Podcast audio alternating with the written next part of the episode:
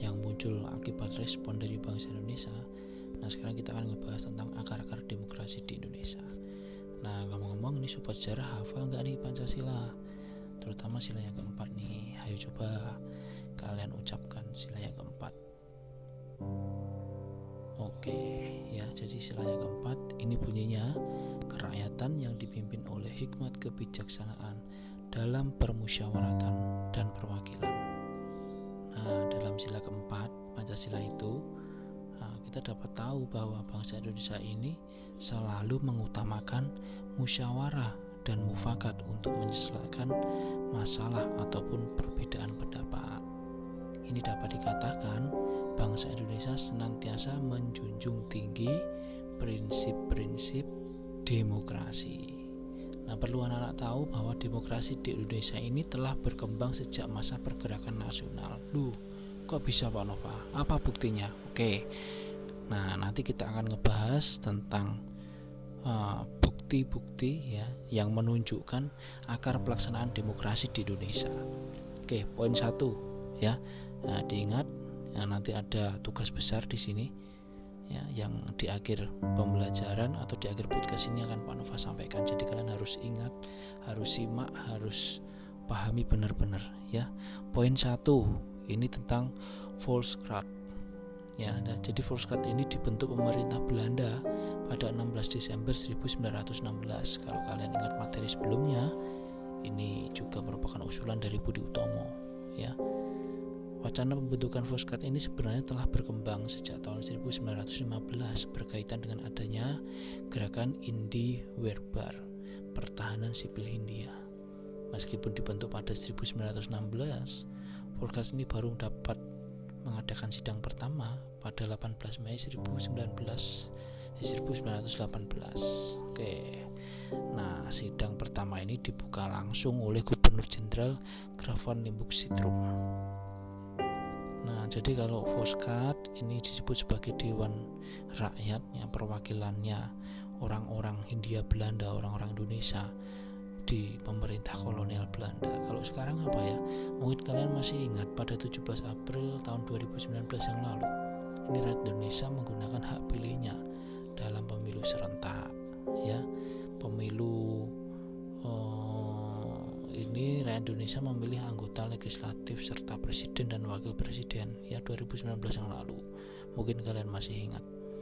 Ya nanti dekat-dekat lagi mungkin di desa-desa kalian akan ada uh, pemilihan dari kepala desa juga secara serentak. Ada beberapa yang dilakukan secara serentak ya khususnya di Kabupaten Pati ini. Oke, lanjut. Nah, jadi anggota Volkskat ini terdiri dari orang Belanda, orang Timur Asing, dan orang-orang pribumi. Ya, pada awal pembentukannya, Volkskat ini punya 35 orang anggota. Nah, dari jumlah itu, 15 orang anggotanya merupakan orang Indonesia. Dari 38 ini 15-nya orang Indonesia. Nah, keanggotaan Volkskat ini dipimpin oleh seorang ketua dewan Nah, kemudian pada 1921 jumlah anggota Foskat bertambah jadi 49. Jadi 30 persennya ini dari jumlah tersebut berasal dari orang Indonesia. Selanjutnya jumlah tersebut meningkat menjadi 60 pada tahun 1927 dan keanggotaan berasal dari orang Indonesia ini mengalami peningkatan juga ya hingga akhirnya mencapai porsi 50% luar biasa pencapaian yang sangat luar biasa ya. Pada awalnya Foskat hanya bertugas sebagai penasihat pemerintah Belanda. Selanjutnya sejak 1927 ya ini sobat sejarah Foskat ini memiliki kewenangan legislatif apa toh kewenangan legislatif yang dijalankan Foskat bersama Gubernur Jenderal ya ini dalam Foskat Gubernur Jenderal ini memiliki hak veto yang menyebabkan kewenangan Foskat ini sangat terbatas. Selain itu, mekanisme keanggotaan Foskat dipilih melalui sistem pemilihan yang tidak langsung. Jadi bukan pemilihan langsung, tapi tidak langsung di sini. Usulan-usulan anggota Foskat dari pihak pribumi ini juga sering ditolak oleh pemerintah Belanda. Dapat kalian bayangkan ya, setiap kali ada rapat, usul ditolak, rapat, usul ditolak.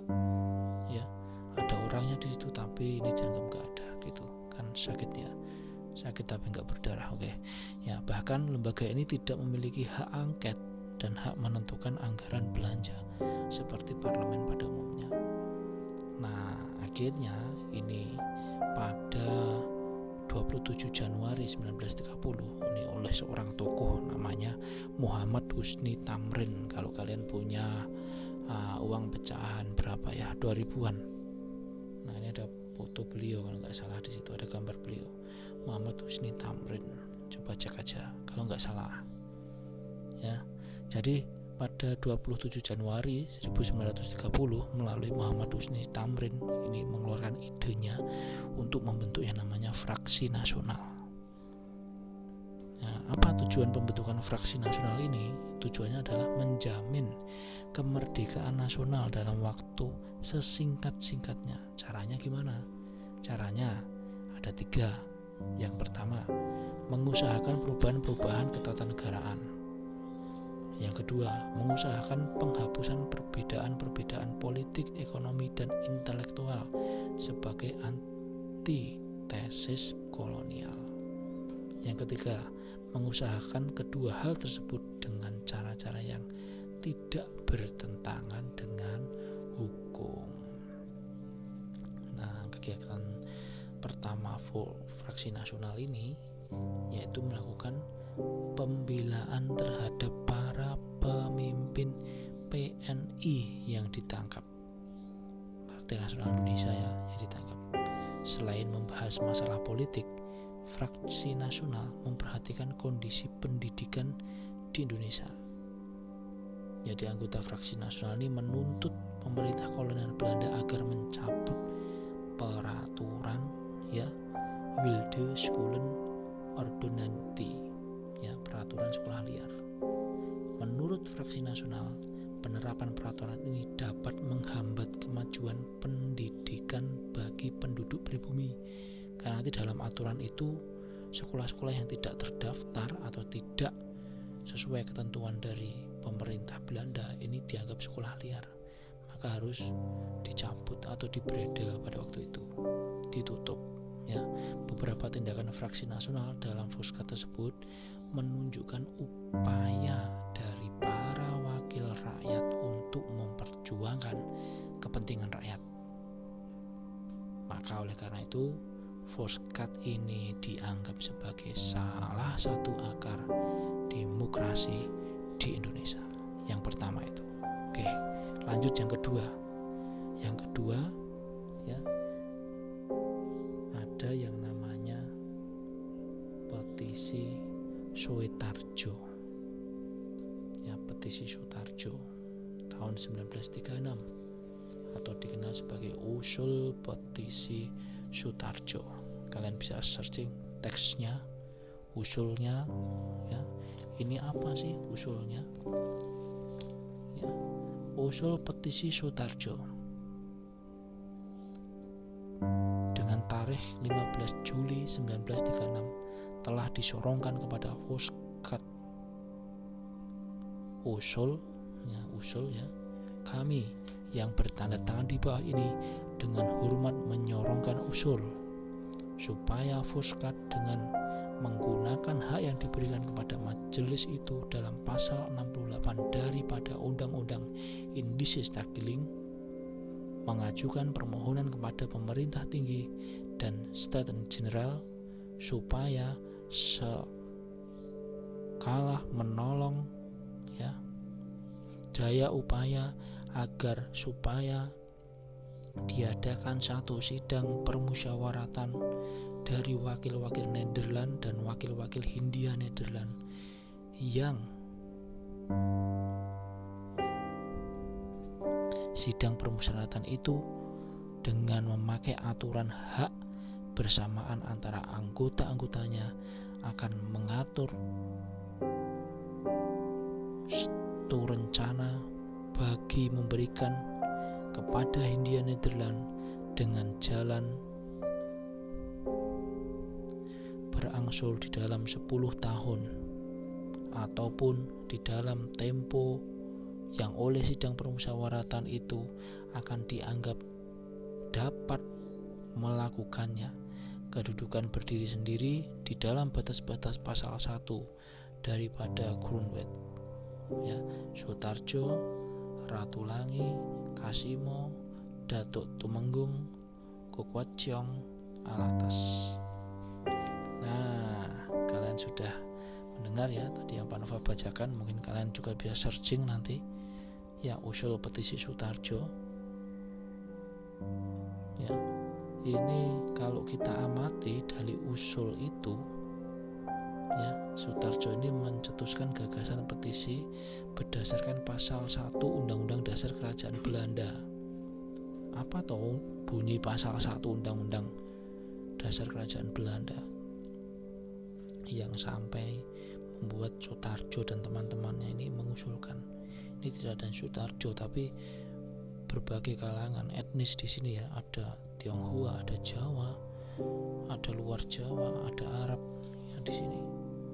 Ya pasal satu itu bunyinya kerajaan Nederland atau Belanda ini meliputi wilayah Nederland Hindia Belanda Suriname dan Curaçao Sutarjo ini berpendapat keempat wilayah tersebut memiliki derajat yang sama ya Hindia Belanda Indonesia ini sama dengan Nederland sama dengan Suriname sama dengan Curaçao oleh karena itu Sutarjo mengajukan permohonan agar diselenggarakan suatu musyawarah untuk mempertemukan wakil bangsa Indonesia dan Belanda yang setiap anggotanya mempunyai hak yang sama Nah, pengajuan petisi Sutarjo ini dilakukan karena semakin meningkatnya rasa ketidakpuasan di kalangan rakyat terhadap kebijakan politik yang diterapkan oleh Gubernur Jenderal De Jonge. Jadi Sutarjo ini menganggap hubungan antara Indonesia dan Kerajaan Belanda ini perlu diperbaiki, bukan diperkeruh dengan kebijakan-kebijakan yang mengekang kehidupan rakyat Indonesia. Nah, ini usulan Sutarjo ini dapat dukungan dari Samratulangi, Datuk Temenggung, Alatas, ya, Kasimo, dan Kwekwenjong. Adanya dukungan ini menunjukkan bahwa petisi Sutarjo didukung oleh berbagai golongan, suku bangsa, bahkan agama yang ada di Indonesia kala itu. Akhirnya petisi ini kemudian dibahas dalam sidang Fuskat pada 17 September 1936 tentunya dalam pembahasan muncul berbagai respon berbagai tanggapan ya berbagai pihak yang hadir dalam sidang tersebut turut memberikan tanggapan bahkan dalam sidang ya bahkan dalam sidang tersebut ada yang pro ada yang kontra ada yang menolak ada yang setuju ya kelompok Van Helsing atau Suroto ini kelompok yang menolak petisi Sutarjo karena menganggap rakyat Indonesia belum mampu menyelenggarakan pemerintahan sendiri. Kemudian ada kelompok Soekarjo Wiropranoto. Ya, ini menuduh Sutarjo ini menjalankan oportunisme politik. Jadi dia tolak juga. Kemudian ada kelompoknya Suroso. Sebagian ini anggota fraksi nasional ya. Ini mendukung ya bahwa Indonesia ini sudah cukup matang dan sudah sepantasnya pemerintahan dia Belanda ini kolonial Belanda ini memberikan hak kepada bangsa Indonesia. Akhirnya 29 September 36 Foskat ini mengadakan pemungutan suara mengenai petisi Sutarjo. Hasilnya 26 suara setuju dan 20 suara menolak. Selanjutnya pada 1 Oktober 1936 petisi Sutarjo dikirim kepada Ratu Belanda melalui statement general dan Menteri Urusan Negara Jajahan. Pada Februari 1937, sidang statement general atau parlemen Belanda ini membahas petisi Sutarjo.